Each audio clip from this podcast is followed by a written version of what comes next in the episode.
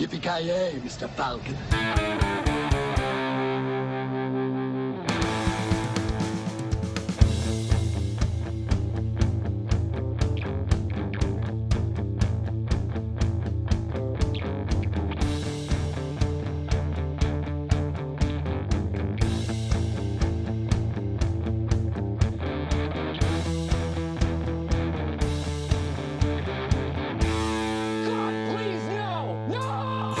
Jajamensan gott folk, då har vi kommit till avsnitt nummer 38 av Creative Meltdown Podcast och då är det med mig, Kalle.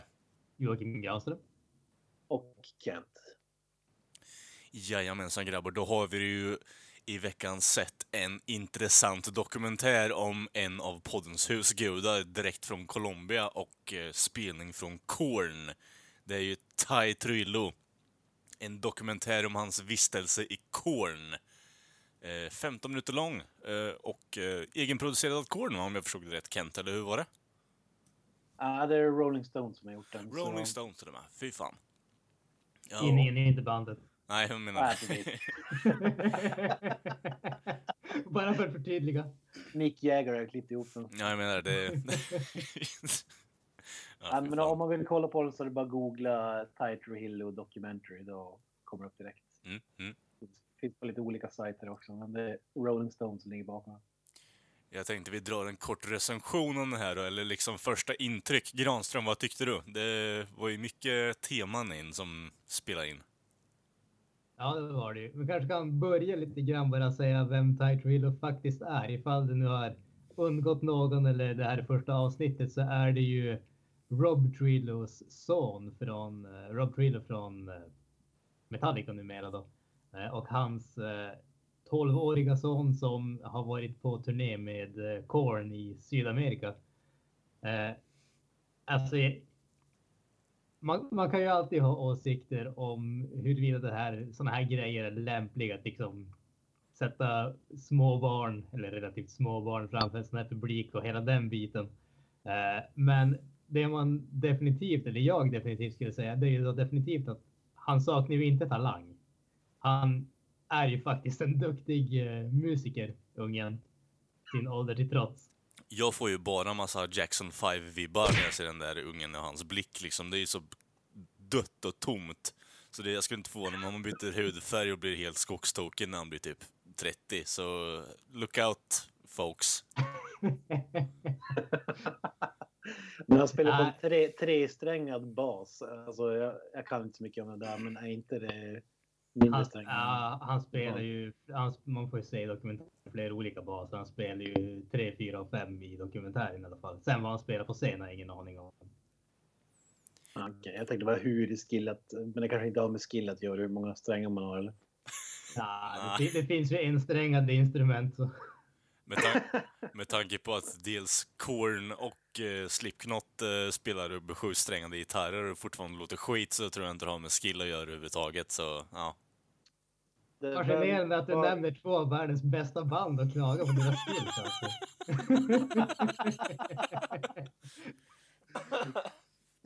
hade du sagt Iron Maiden eller ACD så hade jag väl hållit med dig. Men... Ja, ja, men det, det är ju det är, ju, det är som att sparka på en 80-åring. Det är ingenting som hjälper liksom komedin framåt överhuvudtaget. Man, man vet att de blir dåliga för att de är gamla. Det, vi, vi kan vänta tills de är 12-13 år så kan vi sparka på tant. Ja, jag menar det. Fast nu inte jag sparkat på Tight Rillo i överlag liksom. Men eh, vad tyckte vi då grabbar? Intrycken överlag? Eh, Ja, men jag kan bara säga One String Bass. Det spelar väl, jag tror att det var Leonardo i Turtles, Ja. Turtles Coming Out of a Shell's Tour.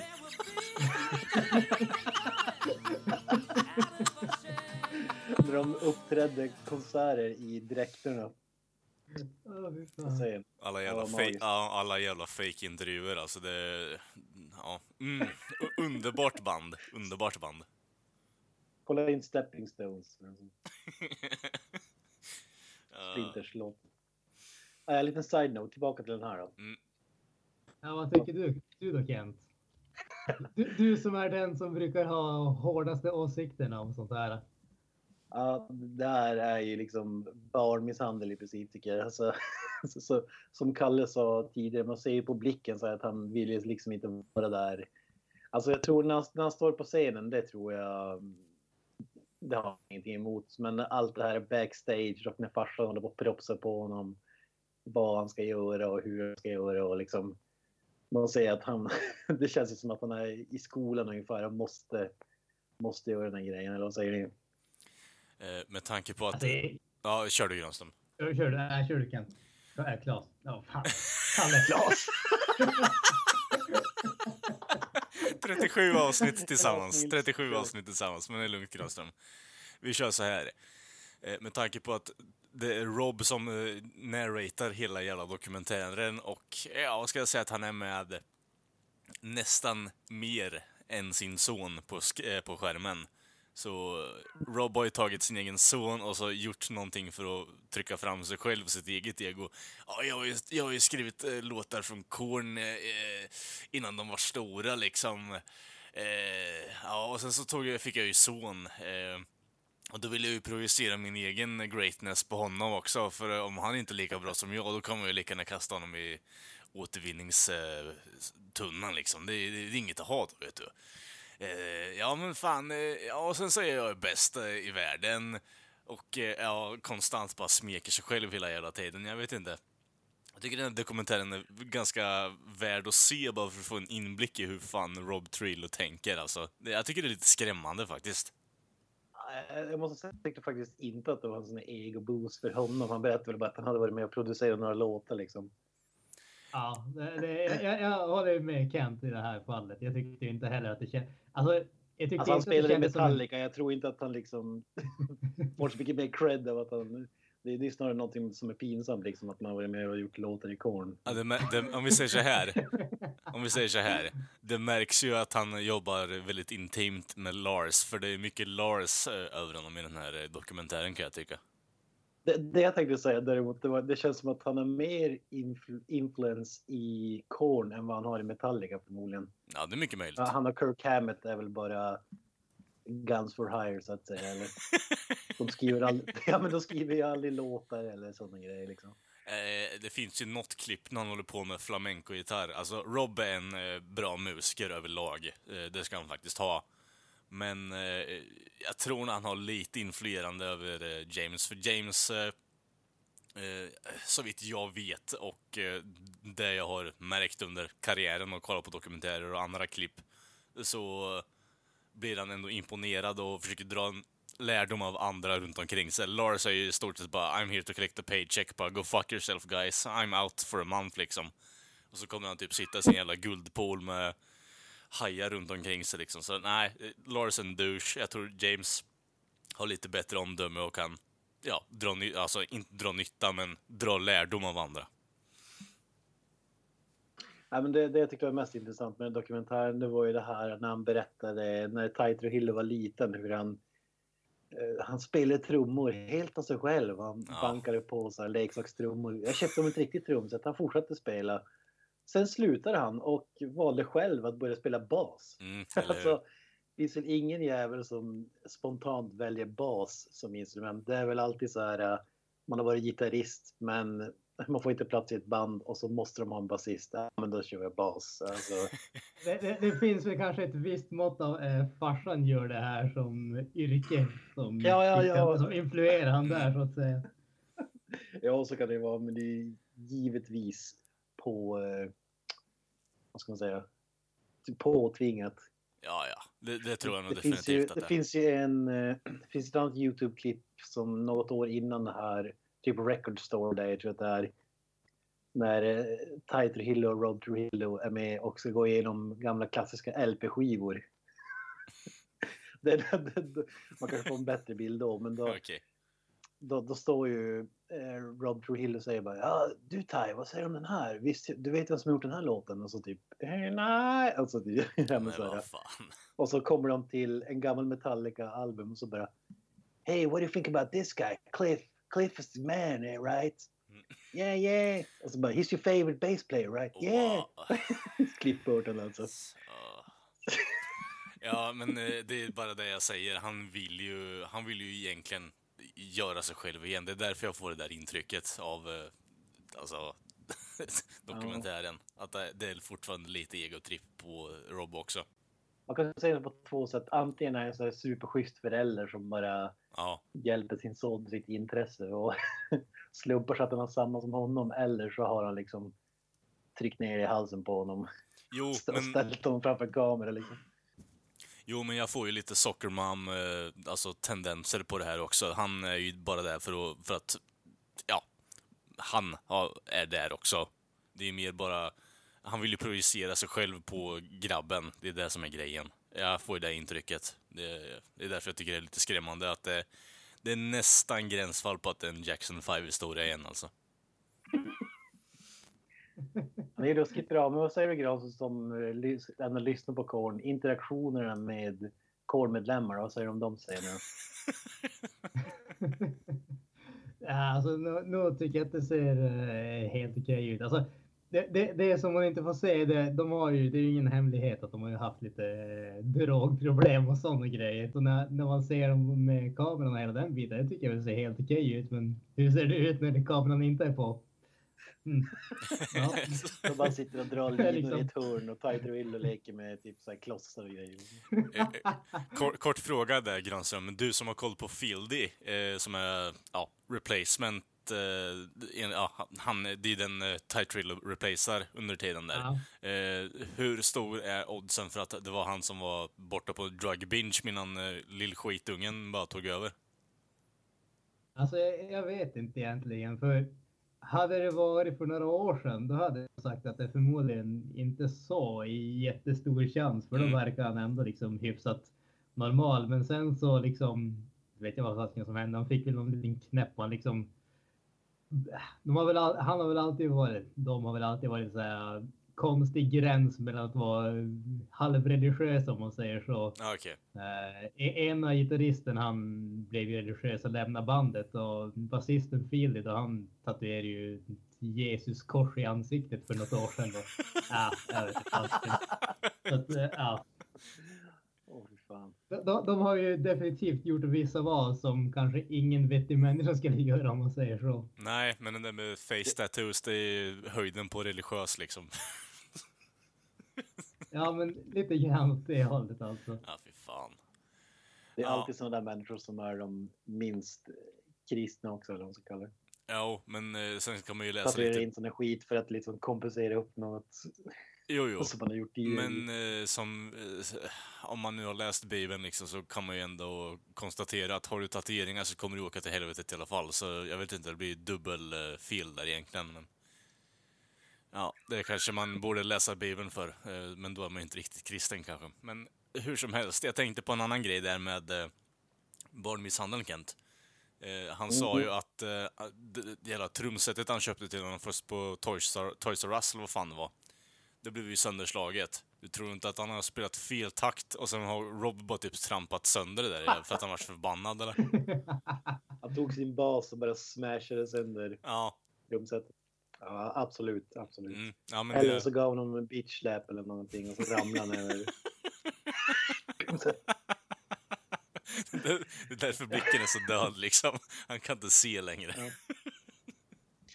Nej, men skämt åsido, det känns det som att om man liksom, nu vet jag inte om han kanske var typ nyfödd ungefär, men om man har en bra musiker kanske man inte slår sönder ett trumset. jag vet inte. Nej, eh, Eller jag, jag tänker bara att jag vill inte hålla på med det här pappa. Och så, trashar han sönder och så ja precis. ett nytt. Ja, det, nej, men nej, som sagt, Jackson 5-vibbar. Så gott folk som lyssnar där ute och bara rena all- musikerfans överlag, eh, ta en lång, hård blick åt eh, Ty Trillo och studera honom, för jag tror det kan gå riktigt käpprätt åt helvete, tråkigt nog, med tanke på att han är en ganska bra basist. Jag tänker ju vara tvärs över i det här fallet och säga att ska det bli någonting av ungjävlarna så ska de börja tidigt. Ja, men du har ju barnsoldater hemma uppe i Skellefteå, så jag är inte förvånad över att du tar den eh, routen egentligen, så jag förstår det helt och hållet där. Ja, Men, men by, by the way, vad säger du om det här citatet där Trujillo säger att han, han har gjort det här själv. Alltså att han, det är hans, tack vare honom själv som han står på scenen med Korn. Eh, nej, Ja. nej, nej. Jag kan garantera att det finns en hel drös, hand, en, alltså en stor jävla samling människor som spelar bas minst lika bra som Ty Trillo. Men de hade inte fått chansen att spela på Korn i alla fall. Därför att, eh, ja, hans farsa känner Korn. Get real för fan. Ja, men så, så, så är det ju. Men menar, det, det, det kan man ju inte kalla någonting som är förvånande. Det är väl det, det enda som är, det är väl i så fall påståendet att han liksom gör, att han får göra det för, för att han är han så att säga. Eller för att han gör, han är så pass bra om man säger så. Det, det är ju, det är bullshit. Kan ju, ingen kan ju tvivla på den biten i alla fall. Nej, nej, jag skulle nog säga att det är minst 20% för att han är bra basist. Men det är fan med 80% för att hans farsa är Robert Trillo.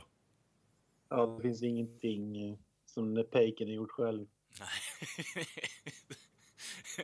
Nej, de där skillsen är inslagna i huvudet på honom, så det är... Jag tror mer det, det är 100% Rob alltså. Det var synd att de inte hade dokumentär här när, när han quittade bandet helt plötsligt. När de fick ställa in touren. Man, man hade ju velat veta vad som hände där liksom. Jo, jo. Men... Eh, ja, men det var ju det, vi har ju spekulerat i det här. eh, Jag tycker det här är typ den första sanna memen i poddens historia överlag, bara Ty Trillo. Eh, med tanke på att eh, vi fick det där med att han eh, skulle tillbaka till skolan, där han hade gått in på coke binge på någon, någon del av touren för att han blev trött på farsan. Dragit lin, en lina på en strippas röv liksom och så vidare. Men jag tycker det, det finns så mycket att spekulera i den här jävla historien så det är inte sant. Så, äh, därför tycker jag att eh, Ty har en speciell plats här i podden, så jag tänker att det, det är ändå viktigt att vi tar upp en sån här stor grej, för det, det är nästan små, eh, späckfullt med skit man kan prata om egentligen, men det, jag tycker inte vi ska göra det allt för länge nu när vi har pratat om det en kvart ungefär. Eller ja, vi kan ta lite avslutande ord om eh, dokumentären grabbar. Ja, Jag tänkte bara säga att jag tror att Tight Will, det kommer vara en sån här Where are they now? Ja. artikel man kommer läsa. Då har han liksom efter den här kornturnén så börjar han köra traktor eller någonting. Ja. Han lämnade musiken. Ja, lagom banalt liksom, bara gå från moshpits till att hålla på och kratta löv i stort sett. Ja, men det, jag gillar Ja, det. men, något som farsan inte vill att han ska hålla på med. Ja, Eh, hur som helst, vad, vad säger du? Är den sevärd den här? Är det värt att lägga en kvart på den? Eller vad, hur lång ja, är ja, för fan absolut. Det tycker jag att det är. Mm. mm. Det är lite intressant. Det känns... Eftersom att det är bara Trujillo som pratar under det, men du har ju lite scener, så här, interaktioner med bandet och så där. Så det, man får inte riktigt så här, dokumentärkänsla, jag vet inte. Men, Nej, men den är ju bara en kvart också i och för sig, så det... Ja, Jag skulle mer säga att och om en kille på 12 barre så Ja, precis. man, man får köpa det. Sen kanske det inte är så smakfullt om jag är barn, riktig barnmisshandel i en dokumentär, så det var därför de var tvungna att klippa bort typ 1.20 också.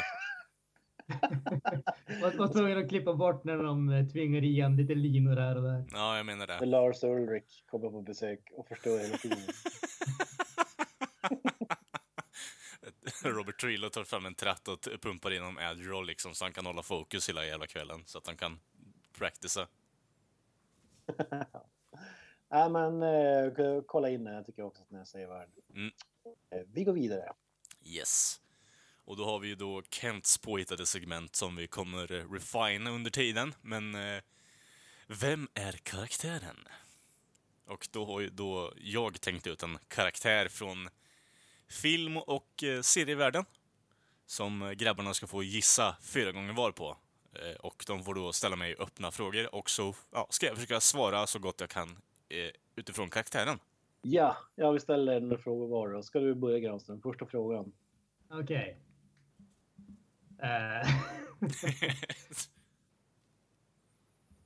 vad jobbar du med? Eh, Jag jobbar som, eh, eller jag jobbade som eh, eh, rikstek, eh, ja, eh, förlåt, jag jobbade som tekniker åt polisen en gång i tiden.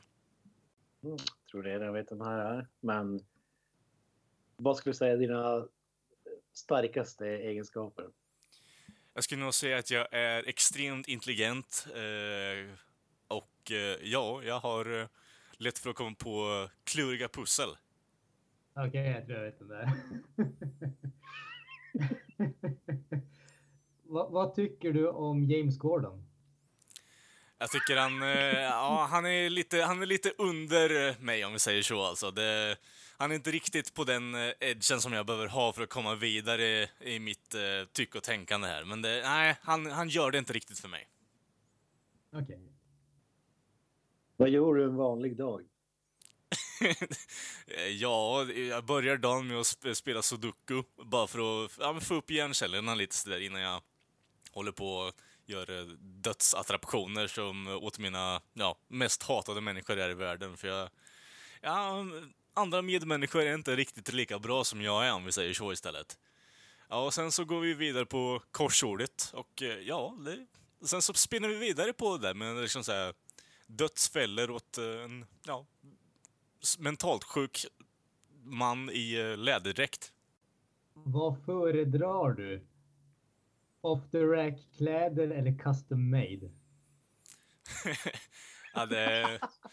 eh, ja, om vi säger så här. Jag har ju en gång i tiden sportat en eh, väldigt check unitard med, eh, ja, en blandning av färger kan man säga. Men eh, just nu är jag inne på eh, fräcka kostymer, så det, jag skulle nog säga custom made där istället. Nice. Ehm, du får ta med dig tre saker till, till en öde ö. Vad Ja. skulle de vara? Det får nog bli... Eh, det får nog bli... Eh, oj. Ja, det får nog bli min eh, checka stav, får det bli. Plommonstopet får man inte glömma helt och hållet. Och sen så vill man ju gärna kunna sova lite, så jag tar med mig min mask också. Har en gissning Granström eller ska du ställa mer frågor? Jag tror Granström, Ja. jag tror Granström har det ganska ordentligt. Ja, jag, jag, jag börjar fundera nu. Har jag det eller har jag inte det? Ja, men jag kan gissa. Jag, är du Edward Nygma? Yes. Ooh. Yay! jag trodde först att det skulle vara han Dexter, seriemördaren. Okej, okej. ja, det, det är gränsfall på att det är samma person i och för sig, så. Mm. Ja, i och för sig. Ja. Fan, The Riddler. Mm, Nej. The Riddler. Mm. Vi går vidare. Yes. Ja, Granström, vad har hänt i veckan för dig? Alltså, jag, jag har ju kommit till en, eh, en, en självinsikt här faktiskt för några dagar sedan. Fy fan. Eh, ja, det är det. Eh, och det är ju faktiskt det här att jag, jag kommer aldrig att se en hel säsong av en tv-serie igen. Jag kommer att se typ två, tre avsnitt och så kommer jag att prata om den här. Då kommer jag säga att ja, men den är ganska bra. Jag kommer att se mer av den. Sen kommer jag aldrig att se något mer av den. Det, det är liksom...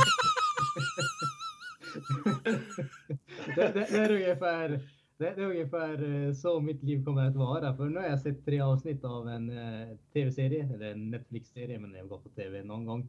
Eh, och tycker den är helt okej och jag kommer inte att se någonting mer av den. Eh, den här gången är det eh, Penny Dreadful heter den. Ja, okej. okej. En, ska säga, lite övernaturlig mysterieserie som utspelas under slutet av 1800-talet och blandar in diverse karaktärer från litteraturen. Victor Frankenstein är med, Dorian Gray är med och sådana grejer. Eh, och eh, vampyrer och lite sådana grejer. Häxor eh, finns också med på ett hörn. Och och Nej, som sagt, bara tre avsnitt. Eh, Grunden är att eh, en av karaktärerna, Sir Malcolm heter han, hans dotter har blivit bortrövad av vad vi än så länge tror är eh, en vampyr. Och eh, han samlar ihop det här gänget för att undersöka och försöka få hem henne. Det, det är krasst sett det som eh, handlingen går ut på än så länge i alla fall.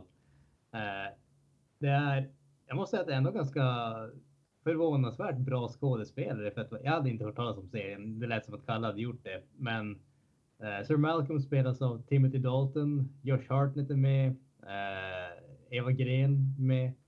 Så att det finns folk som faktiskt har gjort lite, lite bra grejer. Och sådana gör överlag bra ifrån sig. Eh, handlingen är väl kanske ingenting att skriva hem om än så länge, men som sagt, jag är tre avsnitt in. Produktionen är ju riktigt, riktigt bra. Så det är väldigt snyggt gjort. Allting är väldigt, eh, det känns väldigt tidsenligt och sådär, men ändå har liksom en bra stil och sånt där. Det som jag tyckte var lite udda med den här serien är att man kan få whiplash av tonskiftningarna. Liksom, ibland så försöker den vara skräck och så är den liksom extremt blodig och våldsam ungefär. Och sen vill den vara mysterie och sen vill den vara typ drama och halvromantik och sånt där. Och det känns som att eh, de, de kastar allt mot väggen för att se vad, vad som fastnar ungefär. Men de ger ingenting tid att faktiskt fastna utan det är liksom de kastar det mot väggen och sen kastar de ännu mer på det ungefär. Så att det, det blir lite. Ja. Det blir lite, lite för mycket fram och tillbaka kan jag tycka. Jag tror att alltså det finns ju många serier som är eh, som varierar mellan genrer och liksom gör avsnitt som är helt annorlunda och sånt där. Men här känns det som att de gör allting i varenda avsnitt och det, det håller inte riktigt tycker jag.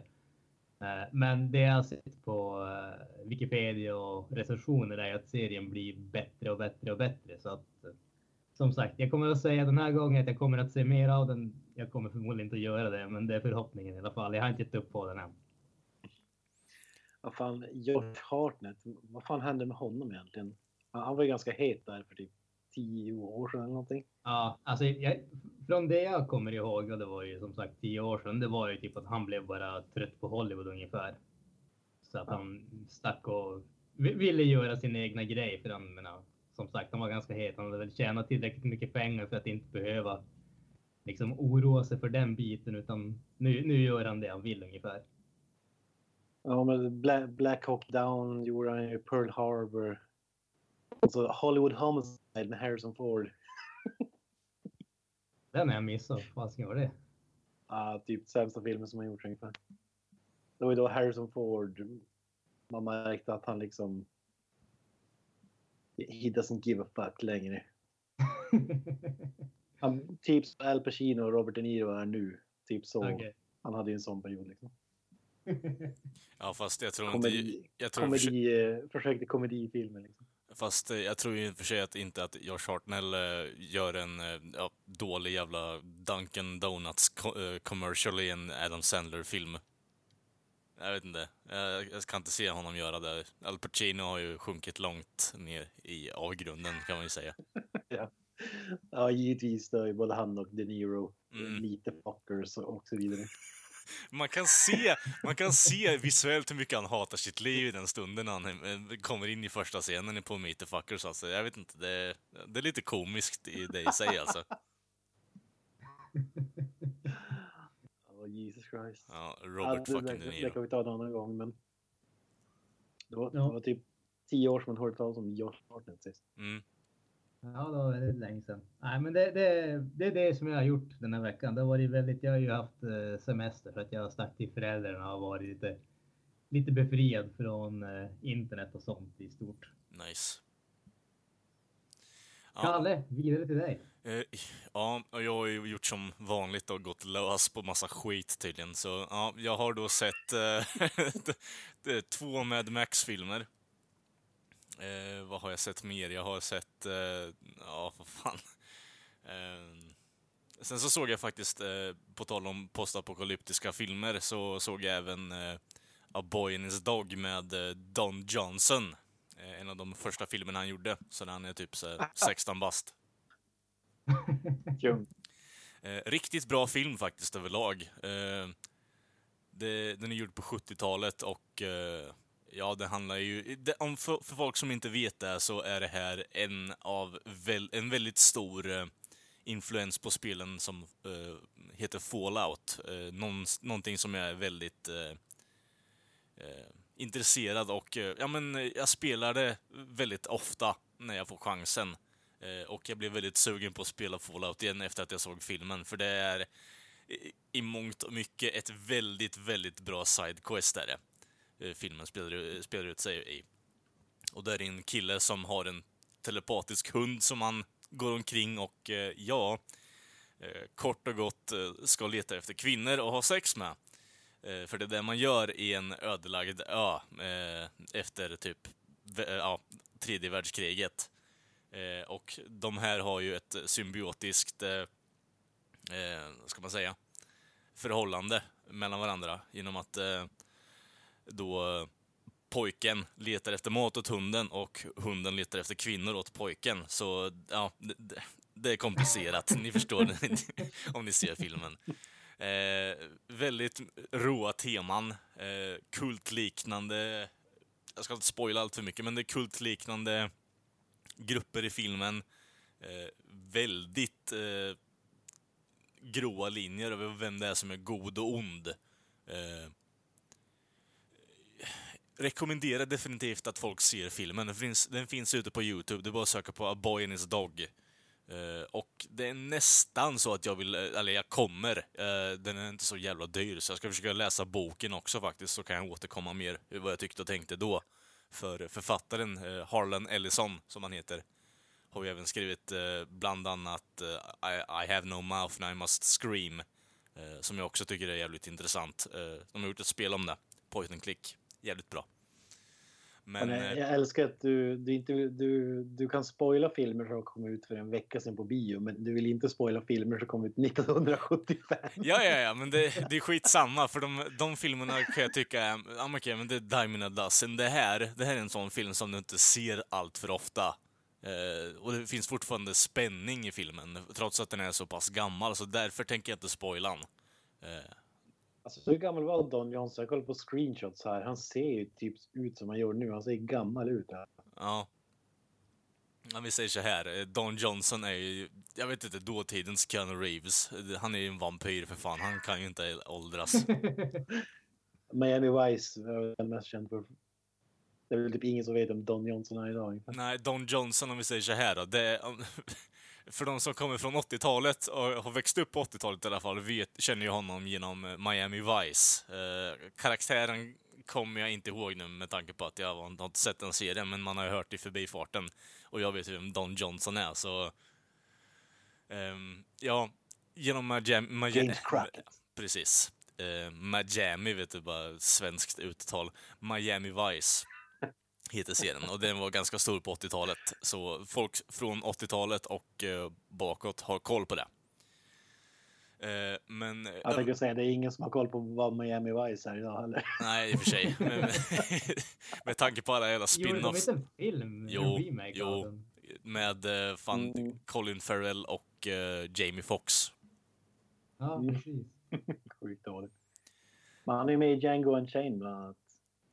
Spelar Ja, karaktären Big Daddy. Ja, featuring Don Johnson, vet du. Det, jag vet inte, det är så underbart touch från eh, Tarantino återigen alltså. Nej, det var väl Introducing. Introdu- var det introducing till och med? Don Johnson. Är det den stora stjärnan från Tar- 80-talet? Tarantino är typ den enda som kan få såna skitskådespelare att bli coola egentligen. Ja.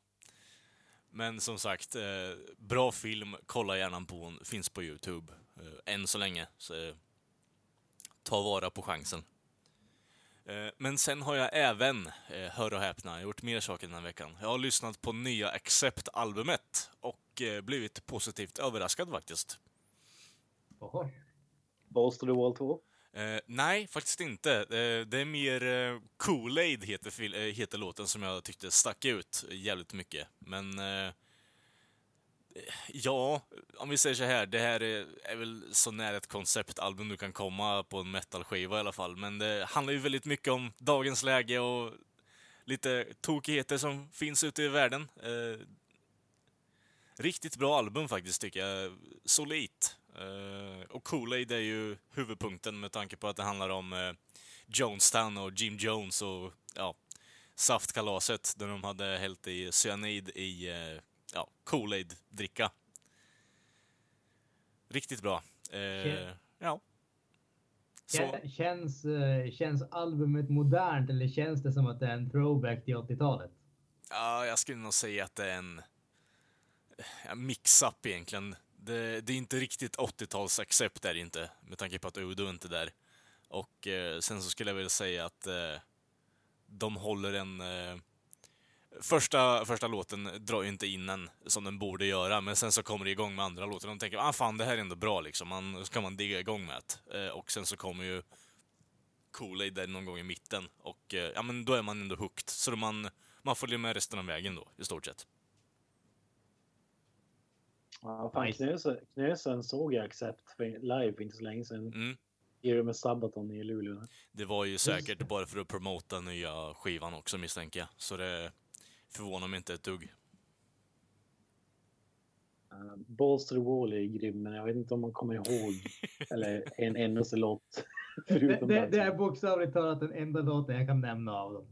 Uh, Fast as a Shark kan, kunde jag innan också, men uh, jag är ingen så accept-kille, men uh, jag har ju en polare som är alltså way, way into den.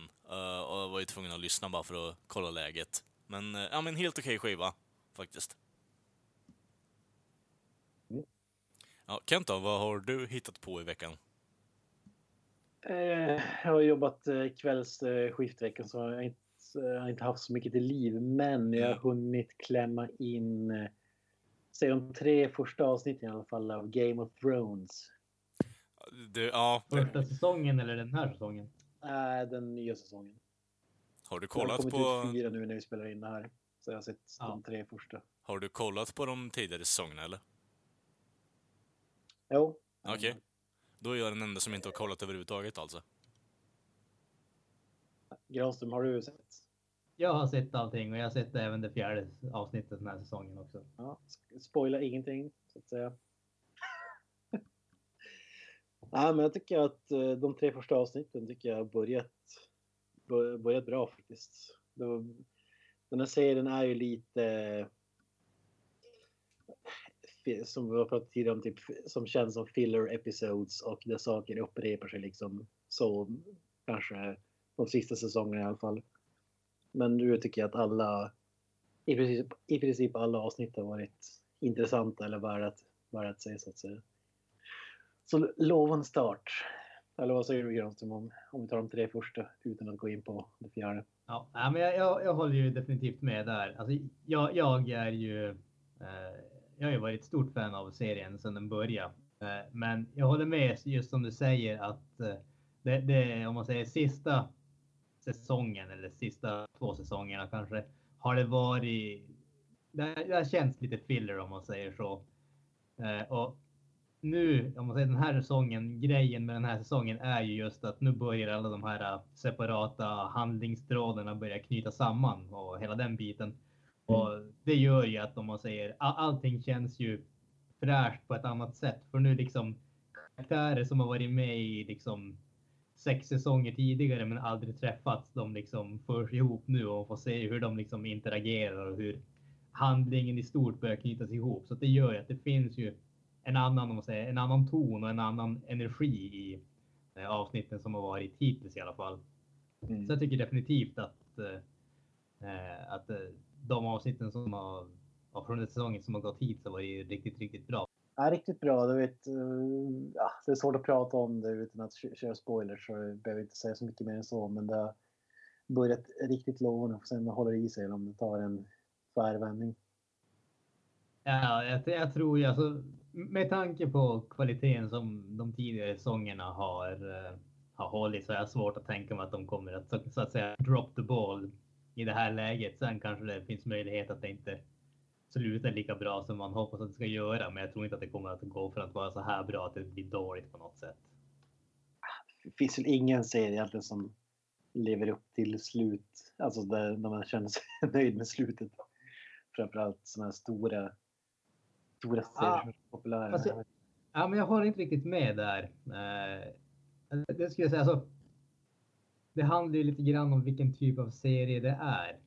Eh, det finns ju de här evighetsserierna som liksom, de, de, har en, så länge de har en publik som ser det så kommer de att fortsätta ungefär. Och sen finns det ju de serierna som har en handling och när den handlingen är färdig så liksom fortsätter man inte serien så att säga. Där tycker jag att Breaking Bad är ett perfekt exempel på det. Den serien höll ju på precis så länge som den behövde hålla på för att berätta den historien och sen jag tycker en säsong för mycket, men annars håller jag med Slutet av sista avsnittet tyckte jag också var ganska bra. Ja, ja men det, det, det, jag tycker som sagt, alltså det, de höll på precis så länge som de behövde göra för att berätta den historien. Och jag tror att ser man till tittarsiffrorna och till liksom det, eh, det kritiska mottagandet, det hade de säkert kunnat hålla på i hur många säsonger till. Men de var liksom, ja men här är den historien som vi vill berätta slut och då avslutar vi. Så att på så sätt tror jag att man får se det lite grann åt det hållet. Det är inte bara att... Men mardröms eh, slutet, det är ju lost. en serie som var sjukt hypad, sjukt populär, men som hade kanske det sämsta ja, slutet någonsin. Jag, vet, jag, tror, jag tror att jag har sagt det tidigare, men jag har aldrig sett ett avsnitt av Lost. Inte okay. ett enda. Ja, men det var ganska uppenbart att eh, de som skrev serien hittade bara på eftersom. Alltså, och sen hade de ingen aning hur fan de skulle avsluta det och så hittade de bara på en grej. Var det inte det som var lite grann grejen eh, när alla pratade om det? Just att det var en jäkla massa mysko-grejer. Så sa de liksom att ja, men det är liksom de, de har planerat serien hela vägen till slutet, men i verkligheten hade de typ ingen aning om vad de gjorde.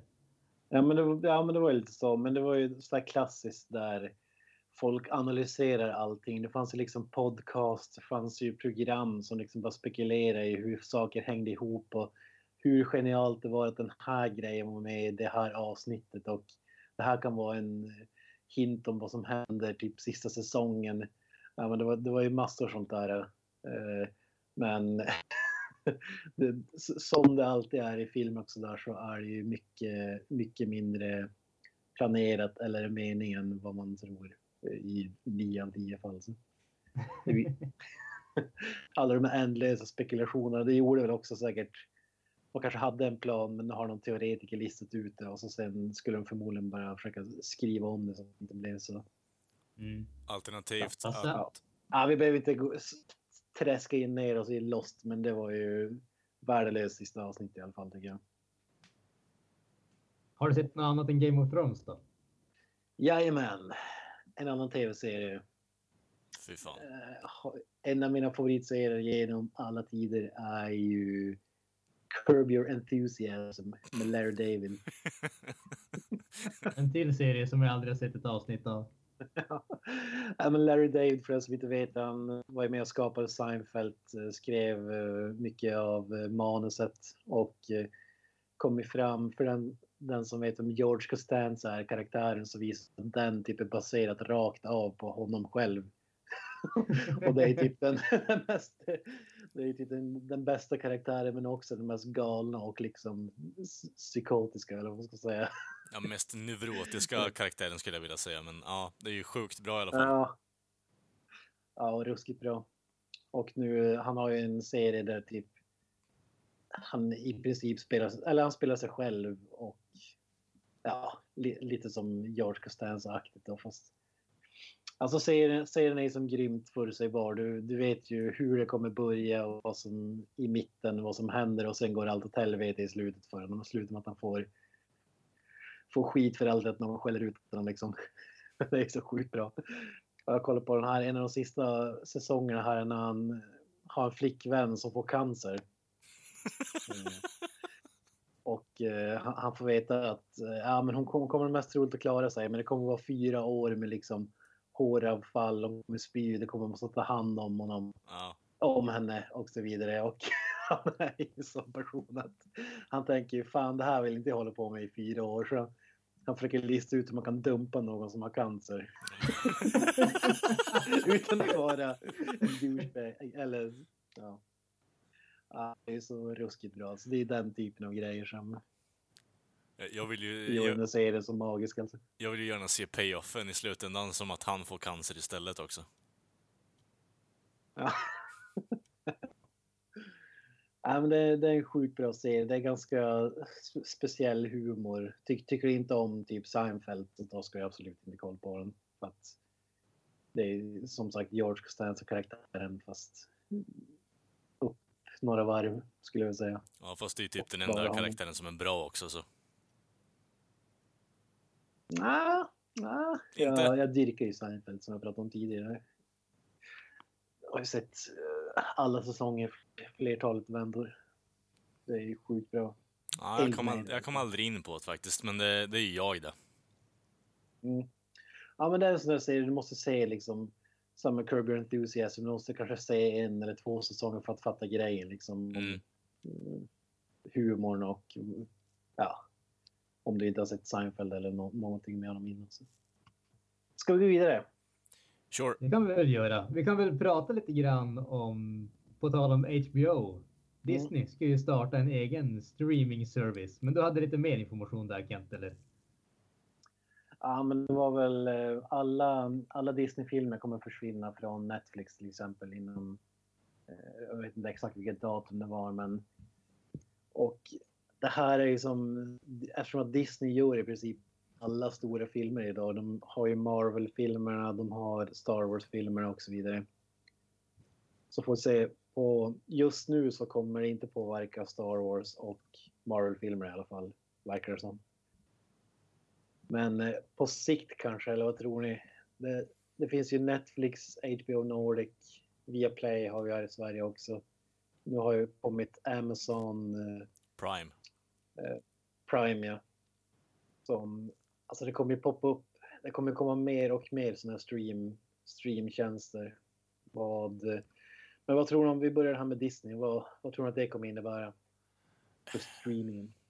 Jag tror ju mer att det kommer vara att, eh, till en början tror jag mer att det kommer bli en streamingtjänst för barn.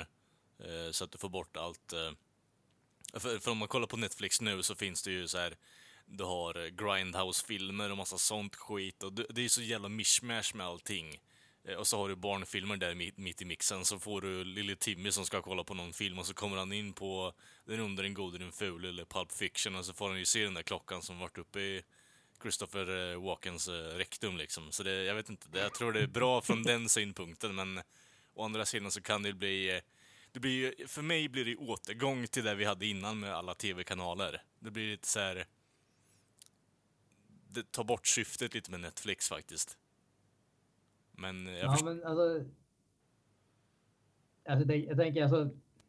När det kommer till en specifik kanal som ska göra någonting sånt här, starta en egen streaming service, så känns det ju ändå som att Disney är väl en av de bättre eh, att göra det. Dels för att de har ett extremt stort utbud. Alltså vi pratar ju historik tillbaka till vad 30-40-talet. Mm, Eh, och dels så har de extremt brett, alltså som, som eh, Kent säger, det är ju inte bara barnfilmer och sånt, utan de har ju även eh, vanliga alltså live action-filmer, Marvel och Star Wars och mycket annat som de har gjort. Så att mm, jag tror att när det kommer till just en sån här satsning så tror jag att Disney är väl ändå en av de bättre att göra det. För jag tror att du kommer att få, du kommer att få mycket, mycket innehåll så att säga. mm, Eh, risken som du själv pekar på lite grann är ju när alla andra eh, kommer att vilja göra samma sak för att få pengarna direkt till dem och så kommer det att bli att istället för att vi har en handfull streaming-servicer som har ett bra utbud så kommer det att vara 25 streaming-servicer som har ett dåligt till mediokert utbud. Ja. Det är, det är det som, alltså man ska ju tänka nu, jag har HBO och Netflix just nu. Sen är Viaplay fast bara sportpaketen för att jag har kanalerna. Men det, det kostar ändå liksom 89 spänn i månaden. Och eh, ska betala 200 spänn då. Och så säger vi att Disney startar upp en, då blir det ännu mindre. Alltså, därför föredrar jag ju Blu-ray och DVD-filmer framför streaming för att utbudet förändras hela tiden. Och sen du, för att kunna se liksom allt du vill så måste du ändå ha alla jäkla abonnemang som finns. Och även om du har det så är det inte säkert att just det du vill se finns på de här sidorna. Så jag tror att det som ni säger, det kommer ju startas upp eh, massor av sådana här uh, olika streaming för att Netflix drar in så sjuka summor pengar. Jag kommer inte ihåg exakt vad det var, men det var i USA. Det var ju helt, helt galna summor som, som drar in varje månad liksom. De har, de har ju i princip hela världen som, eh, vad ska man säga, som liksom köper deras tjänst mm. för typ 100 spänn i månaden. Alltså det blir ju Mm. blir några miljoner dollar om man säger så. Men där, där är ju också, där, där, där tycker jag att eh, frågan just kring utbudet blir lite aktuell där för eh, nu, nu funkar inte längre, men förut så eh, fanns det en, en app, eller något sånt här tillägg till, på datorn som gjorde att man kunde kolla på amerikanska Netflix. Eh, och det utbudet är ju så galet mycket större än det som vi har i Sverige. Och det, det är liksom, visst, alltså försvinner det lite grann från den amerikanska versionen av Netflix kanske det inte gör någon jättestor skillnad för de har ändå ett gigantiskt utbud. Men på vårat svenska Netflix som är långt, långt mycket mindre så tror jag att det kommer att ha en större påverkan. Vad, vad, vad tycker ni bara rent generellt om utbudet på Netflix? Jag tycker det är uruselt. Ja, men det är Alltså- katastrofalt alltså. Man hör ju bara från andra som eh, har eh, amerikanska liksom och de, de pratar ju jättegott om det och jag hade jättegärna velat kunna se allting som de pratar om. Men eh, man märker ju till och med av när eh, filmer faller av från Netflix på eh, våran sida. Alltså det, när man märker av Mm. det, då är det ju då är det någonting som är fel med utbudet. Alltså, för, jag, för jag har sett att det finns filmer innan och sen någon månad efteråt så har man ju kollat tillbaka för att hitta den igen, men då är den ju borta. Då har de ju tagit bort den för att de har tappat licensen eller något liknande. Eh, så utbudet på våra Netflix är ju katastrofalt dåligt jämfört med de andra. Ja, men eh, jag, jag har känt flera gånger typ, vad fan betalar jag för det här? Att det är så, så ruttet. Men det är ju det är mycket bättre än att se vanlig tv tycker jag. Ja, ja, ja. Att välja det. Men, utbudet är ju som du säger, lo- alltså, jag tror inte folk förstår hur mycket sämre vi har bara jämfört med typ England eller Spanien eller sådär. Mm. Alltså vi har ju i Sverige har ju det absolut, måste ha det sämsta i världen ungefär. Men, eh, Det är då riktigt, riktigt dåligt i alla fall. Men finns Ja. det någon anledning till att de inte satsar så mycket på det som de gör i andra länder? Eller det är ingenting ni har koll på grabbar eller? Men jag tror att det, det, det handlar nog helt enkelt om, eh, vad heter det, alltså publiken helt enkelt tror jag. För jag menar när det kommer till lokalisering och sådana grejer, nu ska jag inte svära på att jag har rätt här, men eh, jag tror väl att allting som finns på svenska Netflix är ju översatt, alltså textat och hela den biten. Mm. Eh, och jag menar, det, det är liksom visst på de stora tv-serierna och filmerna är det säkert inga konstigheter, men om vi ska ha samma utbud som vi har i, på den amerikanska versionen och så ska Netflix betala för att någon ska sitta och översätta varenda jäkla grej. Så jag tror att det, det i sig blir en kostnad eh, som inte är om man säger det, det, det är inte bara en handviftning att få bort utan ska man göra en sån satsning, satsning så kommer det att kosta mycket. Och jag tror i he- ärlighetens namn är det bara att Sverige är för litet. Det, det, det är för, för, för liten publik för att det ska vara värt det för dem att göra det. Jag tror också att det har att göra med att vi har C kanaler och vi har Viaplay-kanaler som garanterat betalar summor för att köpa rättigheterna för att filmerna inte ska visas på till exempel Netflix. Mm. Alltså för att de ska vara relevanta och så vidare. Typ, vi köper senaste DC-filmen som visas hos oss typ ett år innan den kommer ut på Netflix ungefär. Mm. Alltså, så är det ju garanterat också. Och marknaden är kanske inte superstor. alltså vad, svenska marknaden för Netflix motsvarar typ en by i Milwaukee ungefär. Nej, men... Jag tror det handlar väl om, om eh, vad som, hur mycket cash som man drar in och som är värt att lägga ut. Liksom. Mm. Ja, Ja. men det är intressant det där tror jag. Fram, framtiden då? Tror du... Fan, eh, det är det som kommer bli så tragiskt när eh, mina älskade Blu-ray eller fys- fysiska medier kommer försvinna. Liksom. Då kommer man måste ha 15 streamingtjänster för att eh, kunna se filmer som, som man vill, verkligen vill se. Eller? men det är ju mer, alltså jag ser ju mer alltså, fysiska kopior som en direkt inkomst för de som har gjort filmen. Och jag tror inte det kommer försvinna överhuvudtaget. Det är mer bara att streamingtjänster kanske blir lite mer prominenta än vad de är nu. Men om det Va? fortsätter som det Alltså, gör... om, om, om tio år kommer det inte gå att köpa något fysiskt media. Det är jag helt övertygad om. Vad baserar du det på då? Ja, men det, det är ingen som köper det längre. Okej, ja.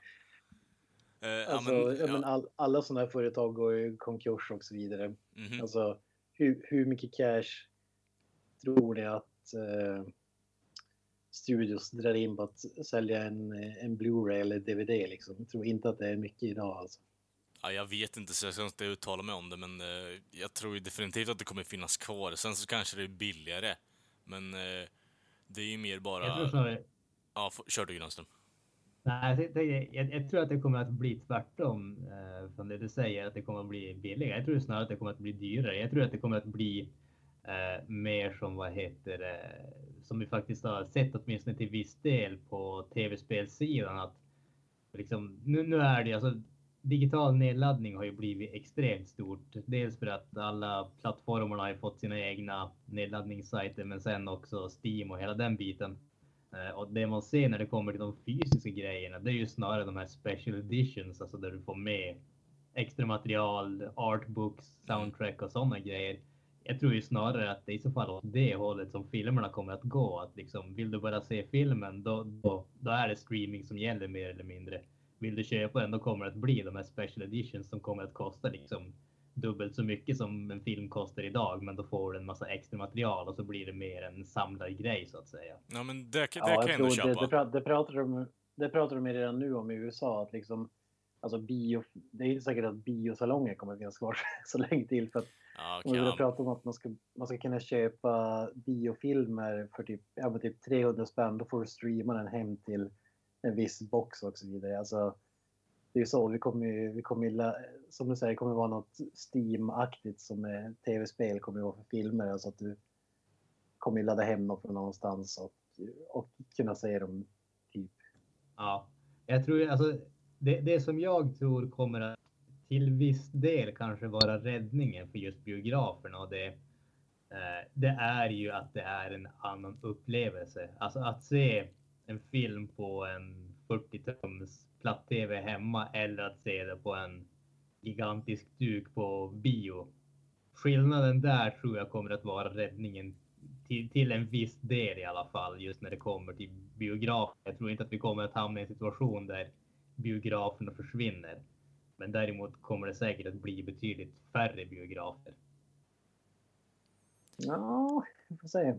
Ja, jag tycker Ja, fortfarande färre konceptet... kommer det absolut. Jag tycker ändå konceptet att eh, biografer överlag håller på att dö ut, är, det är fan deprimerande alltså. Det, det är ändå någonting som jag tycker är underhållande att gå på fortfarande. Jag tycker det, jag tycker det är lite charmigt alltså, men att det försvinner och dör ut som, på det sättet som det gör, som du säger Kent, det, jag tycker det är fucking deprimerande alltså. Ja, det, det håller jag absolut med om. Det, men det, det är ju samma sak som att vi håller på att förlora bibliotek överallt också. Det, det, för, mig så är det lika dep- deprimerande. Åh, herregud. När satte du foten på ett bibliotek sist? det är inte hundra år sedan, men det är väl därför som de försvinner. Det är ingen som går dit längre. Nej. Nej, fy fan. Ja, ja, Jag säger inte att jag är en del av lösningen. Jag är definitivt en del av problemet. mm, ja det, tyvärr här också, men det, det är också deprimerande. Jag håller med dig Granström. Det, jag vet inte, fysisk media är... eh, Jag vet inte, det, det är komplicerat. Jag vill ha det, men det, ibland är det för dyrt. Och så sitter man och väntar och väntar och väntar. Och sen när det är på rea äntligen, men då, nej, jag, jag har inte pengar på mig, så skitsamma. Och så går man vidare med sitt liv. Köp, köper ni fortfarande filmer? Och så? Ja, ja, ja. Jag hittar jag någonting som jag kan tycka är så här kul att ha eller bara allmänt, ja men fan det vill jag ha eller fan det där så, ser så dåligt ut så det måste jag ha. Och är det så här billigt som fan, då, då kan jag slå, eh, alltså, slå till. Men eh, jag vet inte, det är väldigt sällan numera. Jag köper, för, för mig så har det ju gått ner extremt mycket och det är ju egentligen bara för att jag, jag bor i en lägenhet och jag har inte plats helt enkelt. Mm. Så, att- vet Jag jag, har ju den, som, eh, det, t- tidigare då köpte man ju liksom filmer när de var nya. Men det har inte hänt på sjukt länge. Jag har ju satt en gräns här nu att jag väntar tills filmerna kostar under hundringen. De måste, måste vara billigare än 100 spänn för att jag ska köpa dem. Och då är ja, men vissa det är ändå vettigt tycker jag.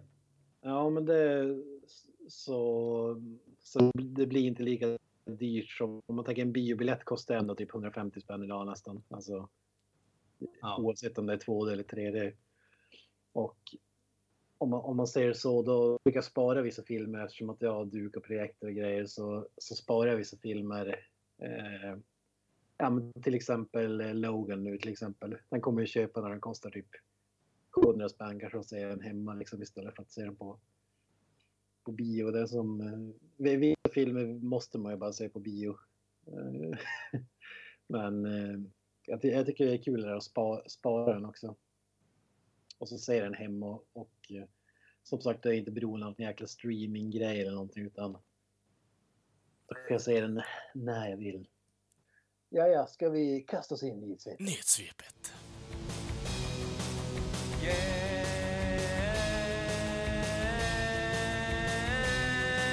Wow.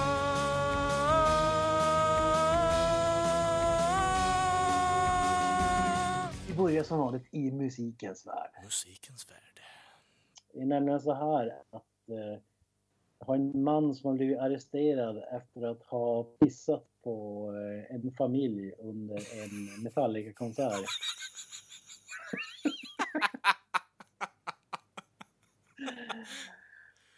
Och ja, det är spontana reaktioner på den här stora nyheten. Eh, If you gotta go, you gotta go. ja, det är sant. Det är sant. Eh, They felt warm liquid rushing over their backs and legs. Alltså hur... hur, hur Ett gift eh, par och en tioårig dotter. stod, han ovanför dem eller vad fasiken? Hur lyckades han med ah, det? när han satt på Han- eh, han att axlarna på en kompis. eftersom Att han... Jag gissar att han stod bakom mig för att han pissade dem liksom eh, över benen och eh, ryggen. Men han Det är väl måste... inga konstigheter. Ja, jag tänker mig att han måste ha stått, suttit på axlarna i så fall, typ pissat dem rakt i typ eh, ländryggen i stort sett och sen bara har det gått ner på benen. Det hade, det hade varit kanon om det hade varit så här um, läktare med etage och så han ställt sig bara längst Ja, ut och ja, ja, ja. pissat överallt. Det är väl det Lars Ulrik gör eh, varje spelning fast med trummor. Fy fan. Brappapsch. Ja, det... Cool, ja. Ja, vad säger ni? Det är väl ingen som är förvånad över att det hände på Metallicas konsert? Nej, inte direkt. Men eh, jag vet inte. Det där känns ju mer som en eh, grej som händer på festivaler, att folk ställer sig i en ring om man är ett gäng, men han måste ju varit där ensam och gått dit och blivit tokfull och bara sen bestämt sig för att pissa på en närliggande familj liksom, så jag vet inte. Lite sad moment där kanske. Inte hans högsta period i livet. Det står att han var very drunk. Ja, ja, det, you don't say. Um, sen det så ryckte på axlarna när, när eh, den här familjen konfronterade honom med. Eh, Cred till honom, det var stort. Jag tänker men han drog, han drog ju till den Granström drog i början bara If you gotta go, you gotta go, men på, ja, drunk talk liksom. Och sen bara försöker han gå därifrån och ramlar ner i sitt eget urin. Nu är vi ändå inne på Metallica. Det har ju släppt siffror här över eh, hur mycket konserterna har dragit in och så vidare. Jaså? Från Boxscore Report. Fy fan. Några exempel har vi det här då. Eh, Metallica, Avenged Sevenfold och Volbeat har spelat i Montreal Ja. 19 juli. Drog in 3,2 miljoner dollar. lite Drygt. Sen Eh, har vi... Ja, vilka var det som drog in 3,2 miljoner? Var det alla tre banden eller? ja de kör en gemensam Ah, okej, okej. spelning. Fan vad lite. Förband. Lite. 30 mille på en spelning, jag vet inte. Ja, det är inga Håkan Hellström-siffror. Men... jag vet inte, det, det är någonting med dollarn som gör att det, jag vet inte, det blir, det blir bara konstigt i huvudet på mig. 3,6 miljoner, ja, ja, jag fattar ju nu men skitsamma. Jag tycker fortfarande det låt, lät lite. Ja, Alltså nu var det ju, det var ju liksom 20, 29 000 pers i publiken. Ah, Okej, Det var inte ens sålt 5 000 ifrån. Mm, mm. Dyraste biljetten kostar 205 dollar kanske. Wow. Ja, det är ingen 10 000 dollar där vet du, med eh, autograf med Gene Simmons, eller vad säger du Kent? Nej, men det, är synd, det som är synd att Kiss finns, finns inte med på den här listan. Alltså, jag hade varit jäkligt nyfiken på att Men se. folk är inte beredda att betala för de eh, biljetterna överlag, så de kommer inte komma upp i de siffrorna överlag. Det är ju mer bara, de är glada om de hamnar på 100 000 eh, kronors listan där i stort sett. Jag tycker det är lite humor att eh, Håkan Hellström drar liksom runt 70 000 och Metallica, Avenged Sevenfold och Volbeat drar 29 000. Jävla, kon, jävla konstig line-up där faktiskt. Volbeat, jag vet inte. Ja men Volbeat, Sevenfold. Volbeat, Avenged Sevenfold och Metallica. Jag vet inte, det känns som att du kommer inte längre ifrån med varenda jävla band som jag nämnde där, men... Ja, whatever. Det är inte Ja. min spelning. Så. Ja, ja, men vi jämför här med Slayer, ganska stort band. Ja. Eh, Lamb of God och Behemoth på samma spelning. Mm. Columbus, Ohio. De drar tillsammans in 176 000 dollar. What? What the f... Okej. 3688 pers i publiken. Måste vara en sjukt eh, liten venue alltså. Ja, jävligt Alltså, jag, billiga jag biljetter. tror ju att... eh, Inte ens Jag fullsatt. var det fullsatt? Nej. Alltså, jag, jag tror ju att orsaken till att eh, det känns som att det är lågt det här. Jag tycker ju inte alls att det låter eh, lågt egentligen. Det är ju för att folk tror att Slayer är mycket större än vad de egentligen är. Det är alltså, de, de, de är en del av Big Four för att de hade jävligt stora influenser. Eh, Eller var väldigt eh, inflytelserika just när det kommer till musiken så att säga. Men när det kommer till eh, hur mycket de har sålt och så, så är det ju alltså att, att jämföra dem och Metallica är knappt värt det ens. Det, det är liksom skillnaden mellan dem är astronomiska, även om båda som sagt är en del av Big Four. Jag tror att man tror att Slayer och vad heter det, Megadeth och Anthrax är mycket, mycket större än vad de egentligen är på grund av att Metallica är så jävla stora helt enkelt. Ja, men jag har ändå trott att Slayer var betydligt eh, större än så. Liksom. Även om de kanske är här i Sverige kanske inte är så jäkla stora. Men att de var gigantiska i USA. Men det kanske inte är så. Tre, tredje och sista exemplet här. Som du sa, Megadeth, eh, Meshuggah och Tesseract T. Vad det är. Eller i. Pittsburgh. Ja, whatever. 89 000 dollar. Alltså jävlar vad lite. Ja, alltså 2245 pers. Jag säger Megadeth. hur många sa du? Alltså, 2200. Wow. Stället tog in 4500. Är det inte galet lite? Ja, Jag vet inte vad jag ska säga egentligen. Det... Wow. Vad är det som händer? Ja men ärligt talat alltså, det, jag kan förstå att Metallica är populärare, men alltså... Eller mer populära, men... Eh, jag vet inte, Megadeth är ju inte någonting att alltså, fnysa åt egentligen heller. Jag hade ju trott att Slayer hade, skulle dra lite mer också i och för sig, men... Alltså, tre och... Vad fan var 3000 respektive, vad var det mer? Vad säger nu? Hur många, var, 3000. hur många var det på, eh, på Megadeth-spelningen? 2245 pers. Alltså, det- är ju fan State Fair för fan. Ja. Ja men alltså seriöst. Det är ju ja, så... alltså man... eh, Det, det, Alltså, Jag har, jag har ingen aning vad det är för typ av spelning. Det kanske är någon typ jippospelning eller liknande. Jag inte. alltså det är bara att gå och kolla på en konsert från typ Sydamerika och då drar de ju för fan alltså stora jävla fucking arenor. Eh, Alltså, Men för, för att sätta det här i perspektiv. Céline Dion på enligt den här listan spelade i Marseille. ja. 5 miljoner 95 drog hon in. Toppar listan gör Justin fucking Bieber. ja, Som i Sao Paulo, Brasilien drog in nio, över 9 miljoner på en spelning. ja, han blev stormad på scen och totalt bortsliten.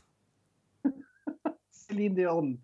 Alltså pissar ju på Megadeth. Det är ju sjukt. Ja, det, Celine Dion är mer metal och bättre än eh, Megadeth. Ja, ja, vi kör på det.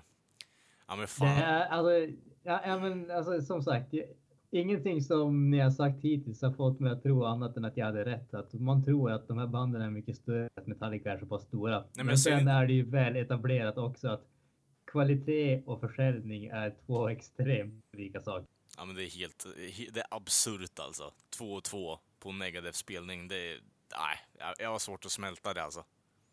Alltså du har ju typ en random hockeymatch i Sverige. Jag har ju inte så mycket. Ja. Alltså, Det är nästan så att eh, alltså en uh, Peter Hockey-match har mer uh, attendance än det där alltså. ah, där, ah, där har du fan Fotbollslaget här i Piteå har samma. De har Ja, över 2000 ibland. ja, då så.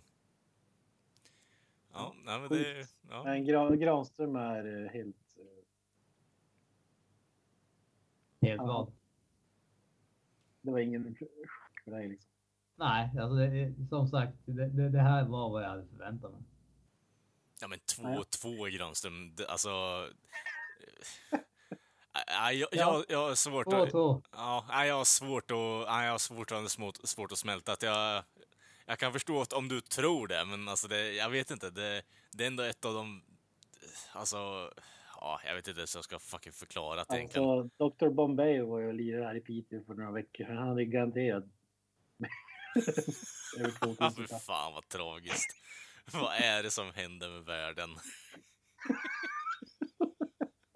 Jag, jag, jag tycker om att vi, alltså det, man hör rent i rösten hur upprörd Kalle är.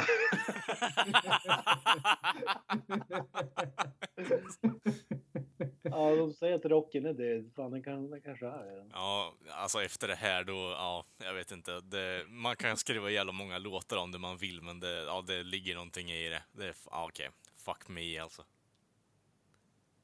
Ja. Ja, vi går vidare. Vi har en positiv grej. Vi kastar oss in i filmens värld. Carl Urban, Kung. världens bästa skådis. Ja, kung. Eh, in discussions för att spela Dread i den nya tv-serien som Yes. om Judge Dredd. Yes. Gjorde som sagt filmen Dread 3D. Spelar han... Ja, mycket Dread nu på en som gång, men där spelar han Judge Dredd. Så säga. Men eh, det var Alla den... vi tyckte att det var sjukt bra Ja, och att han var som perfekt i rollen. Vad skulle ni säga om han kliver in i en tv-serie? Eh, fucking eh, kolla på den nu. Kolla på den, stötta på den så mycket ni kan. Kolla, få in Carl Urban och så kollar ni på serien allt ni bara fucking kan. Kolla om den 50 gånger också så att den får mer eh, eh, klick. Eh, underbart. Jag tror det jag kommer, om det nu händer, så kommer det bli världens bästa serie. Kommer streamas av Disney? Nej. PG fucking jävla Judge Dredd. Ja, ja, jag tror inte det. Låt... Alltså, eh, jag, jag, jag såg jävligt mycket fram emot serien och det, det här får mig bara att se fram emot det ännu mer. Just Mm. alltså, det, det, det här lyfter ju mina förhoppningar till skyarna om man säger så. Eh, kort Så att, äh. inflik där bara. Var det Shankar som var attached också eller? För det hade ju bara varit toppen om han får fortsätta på det där han gjorde.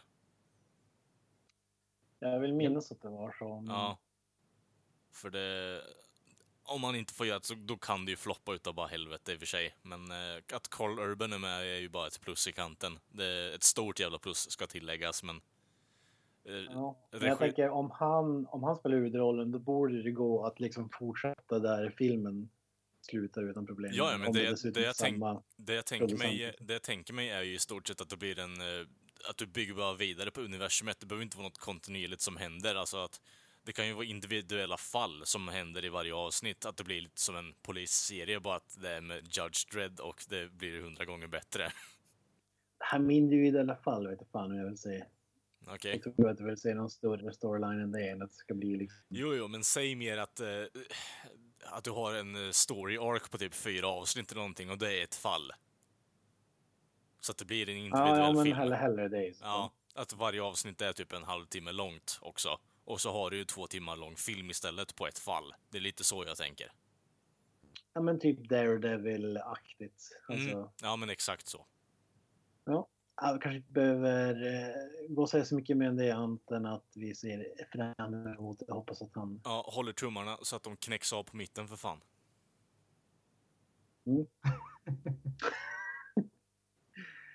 Hur som helst. Eh, vi pratade om Game of Thrones tidigare och det har ju nu kommit ut av eh, att vissa av kostymerna, framför allt eh, The Night's Watch-figurerna, eh, deras, deras pälsar är gjorda av mattor från Ikea. Ja. Jag tänker kring det här, hur, eh, ja, vad säger man? ja, spara in på pengar på bästa möjliga sätt liksom. Det, det, alla effekter måste ju kosta sjukt mycket så du kan ju lika gärna köpa mattor från Ikea. Det är ju skitbilligt så. Jag har inget problem med det. Jag tycker det där är lite charmigt ändå när man eh, eh, lyckas lösa saker och ting på det sättet. Det, Ja, det, det är ju kreativt tänkande i alla fall. Ja, jag menar det. det Ja. jag, respekterar det helt och fullt. Det är som att kolla på, alltså, dels eh, Alien-filmerna har de ju, vad fan är det, gammal kamerautrustning som de använder som vapen. Jag tycker det är lite fräckt också faktiskt. Så det finns ju jättemånga sådana där grejer. Eh, jag, jag, jag tänker alltså, när man hör något sånt här.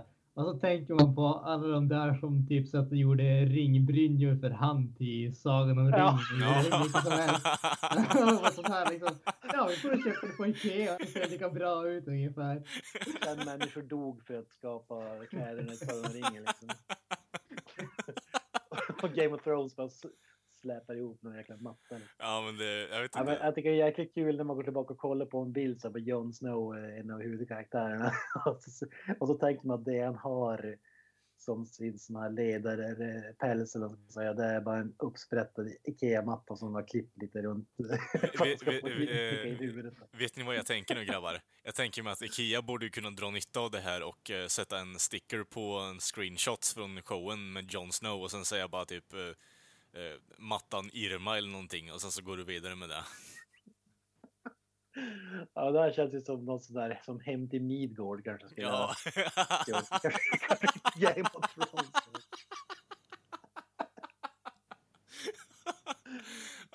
Förut. Ja, men jag tycker, det, jag tycker det är sjukt bra ändå att man eh, tänker så kreativt och kommer på bättre lösningar alltså. Även om det är så billiga lösningar så kan jag tycka, ja men jag kan respektera det för ni, ni tänkte utanför boxen. Det är bra gjort. Sen är det skitsamma Ja, om den är high quality jävla high production eh, HBO-serie men det, det, jag tycker det kvittar faktiskt. Har man kommit på lösningen så förtjänar man cred så. Ja, jag tycker, eh, att, ja, men jag gillar sådana här historier egentligen. Ja. Jag vet, eh, vi har pratat om det tidigare med favoritskådespelare, Michael J. White. Han har ju en actionfilm som jag tror heter någonting med Falcon. Någonting. Eh, På omslaget av, av den så håller han i en fet, eh, fet pistol liksom. Ja, det var inte Falcon Rising, det var en annan film. Jag kommer inte ihåg vad den heter. Whatever.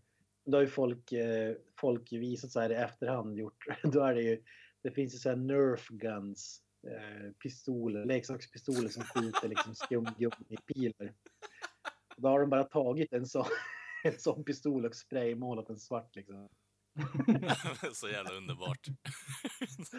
Ja, men så, sådana grejer är ju faktiskt kult. Mm. Alltså, det är coolt. Ja, Har, har ni mer exempel på, på grejer, grejer som ni har hört? Alltså, Inte så att man har känt igen, jag kan inte säga att det är någonting som jag har känt igen så där rakt av, men är det inte sån där typ den här kommunikationsgrejen som uh, Liam Neeson har i episod 1, det är inte någon sån här Gillette rakhyvelsfodral eller någonting åt det hållet. Jo, jag Ja, tror, det, just jag det. tror det. Jag tror det.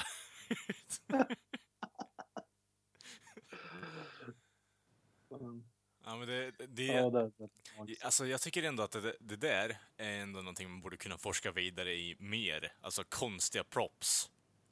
Jag kollar ju upp, eh, Kent skickade ju den här nyheten eh, bara för att förbereda oss lite i början av veckan, bara för att kolla läget. Eh, så kollar jag upp lite med andra props så här och då kom jag över på Scarface vet ni grabbar. Så finns det ju ett eh, stort jävla kokain, en, en stor kokainhög i eh, slutet av filmen i stort sett. Eh, den... Real Eh, Coke eller? ja, det, det, om man litar på Al Pacino så var det han försöker hålla det lite hemligt där eh, i slutändan. Men eh, De Palma säger att, "Ja, men jag vet inte riktigt vad fan det var.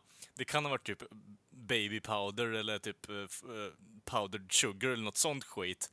Men så, så kommer man ju till någon intervju med Al Pacino och han bara eh, ja, jag vill inte riktigt berätta för att ta bort hemligheten med filmen. Det är det som är lite grejen.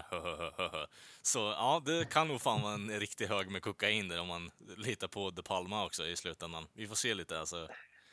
Samtidigt är det där grej, jag skulle säga typ, ja det är mjöl. Ja, Då ja. försvinner liksom lite av magin med filmen eller? Nej, jo, det, är lite, det, är- det var ju det han sa. Det, att magin försvinner lite om jag berättar vad fan det är, men det, jag vet inte. Jag tycker ändå det är intressant att veta att okej, nu stoppar Al Pacino ansiktet i en ja, hög med riktig kokain eller ja, typ florsocker typ.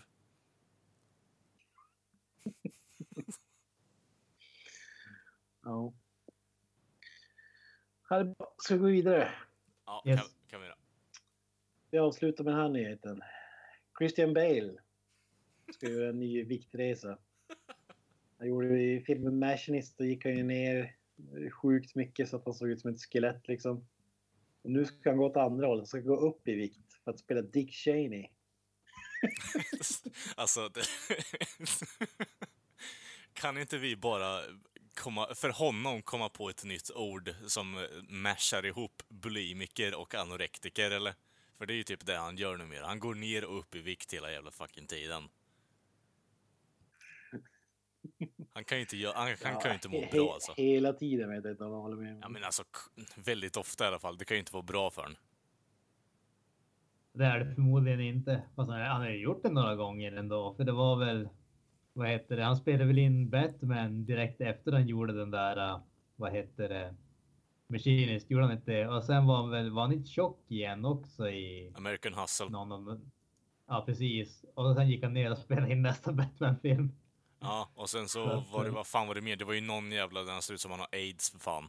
Med Mark Wahlberg. Han är boxare eller vad fan det är. Ja, just det. Ja, och i och för sig, där var han ganska smal också. Ganska smal. Man kunde se revbenen på honom för fan. Ja, men det var väl inte Machinist-stuket. Det är ju fan så obehagligt. Ja, method actor vet du. Det, det är cred åt honom, men jag tror ju det, jag vet inte. Det, det är någonting fel där. Ja. Men vad fan tror vi om Dick Cheney-film då? Jag tror ju det kan bli alltså, enormt underhållande bara för att. Är det en komedi? Kul. Ja, men jag tänker väl slapstick-humor. Det kommer ju vara så seriöst. Ja. Jo, tyvärr, men jag vill ju se en slapstick-komedi när han skjuter sin polare i ansiktet med ett hagelgevär liksom. Av misstag. Ja, misstag!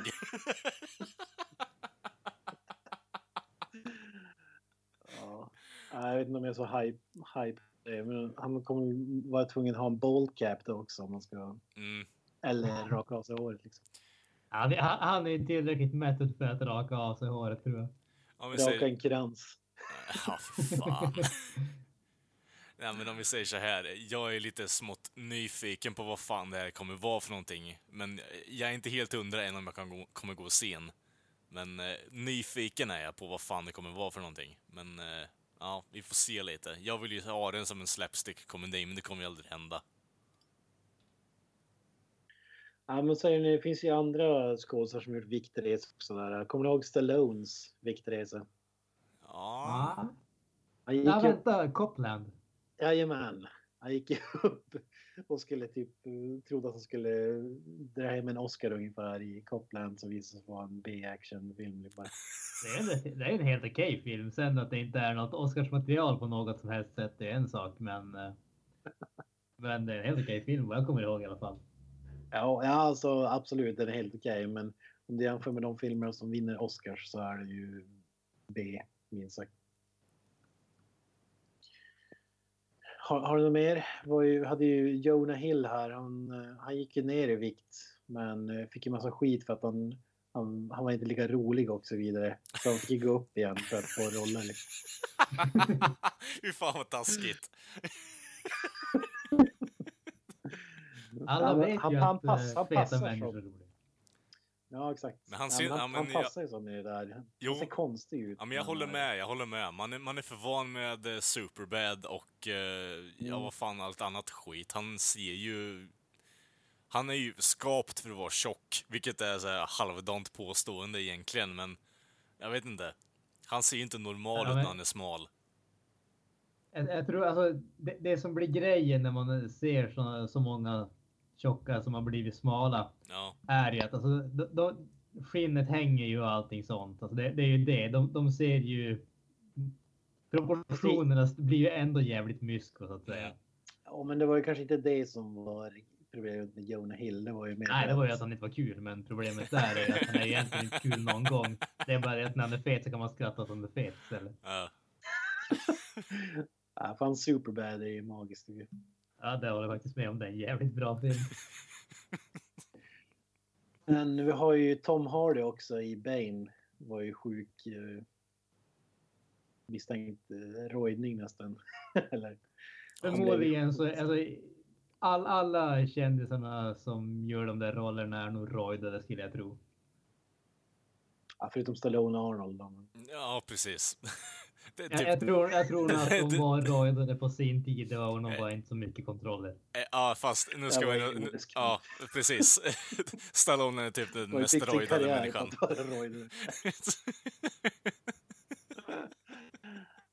Tror ni att Arnold hade fått en, en roll, en enda roll i Hollywood om han inte hade varit rojdad? Liksom? Nej. Så there you go folks. Rojda upp er så kan ni göra karriär. Eh, ja, Kents åsikter reflekterar inte resterande delar av Creative Meltdown Podcast, tack. Nej, men seriöst, det känns som att vi håller på att försvinna från det där. Tidigare var ju alla liksom actionstars var ju superrojdare. Nu är det kanske Ja. inte Ja, det, är inte lika, på den nivån. det är inte lika biffigt som det var förr. Så det ligger nog fan någonting i det du säger. Men jag vet inte. Det kan ju vara... Ja, jag vet inte fan alltså. Det, nu har du ju Jason Statham, en sp- spinkig jävla britt med sexpack och eh, så springer omkring och kickar folk i ansiktet. Kontra Arnold, en stor jävla österrikare med muskler som han inte ens kan andas liksom. Det, jag vet inte. Det, det är lite skillnad på vad som anses vara actionhjälte nu mera. Mm. Tror du en sån som Hugh Jackman, han måste väl också... Det går väl alltid CGI i efterhand, men han är ju sjukt biffig i Logan-filmerna. eller. Ja. Ja, Han är nog rätt rojdad. Det, det ser man ju också liksom om man jämför bilderna på hur han var eller hur han såg ut i första X-Men-filmen jämfört med vad heter det, de nya. Alltså det, det är ju liksom stor, storleken på han är ju bisarr ungefär. mm. Mm. Så att, eh, han, han Gammal har också. Ja, precis. Och med tanke på åldern så han är nog definitivt rojdad. Men jag menar, alltså, det, det, man, man får ju ta det för vad det är. De är ju inga, liksom, det är ju ingen tävling så att säga på så sätt. Det är ju inte så att någon kommer att gå och dopingkolla dem eller någonting sånt, utan de gör det ju för att, för att spela en roll och tjäna jävligt bra med stålar. Jag menar, fan. Skulle jag, eh, hade jag liksom betet med de pengarna framför mig och liksom frågan är, kan du rojda lite grann och bli större? Då fan skulle jag göra det. Fan vad kul att se dig rojdad alltså.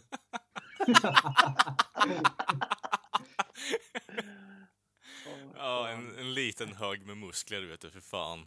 Ja, Vill gå med axlar så här som, som att man bär en tv-apparat. ja jag tänker mig att det blir, jag vet inte, det blir som en Looney Tunes karaktär. Han går omkring som en jävla bulldog med, ja, som, som ser ut som Arnold.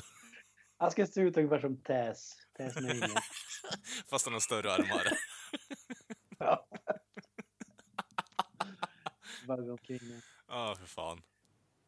Ja, för fan. Ska vi stänga ihop butiken eller? Det kan vi göra. Jajamensan, då har vi kommit återigen till slutet på ännu en veckas avsnitt. Och ja, ni hittar oss på sociala medier som Twitter, Facebook och Instagram. Och då söker ni bara på Creative Meltdown Podcast. Så ja, och så kan ni mejla oss också, men den länken hittar ni på Facebook-sidan. Jätteenkelt. Och eh, då får ni ha det bra där ute och eh, så syns vi nästa vecka. Hej då. That's it, man. Game over, man.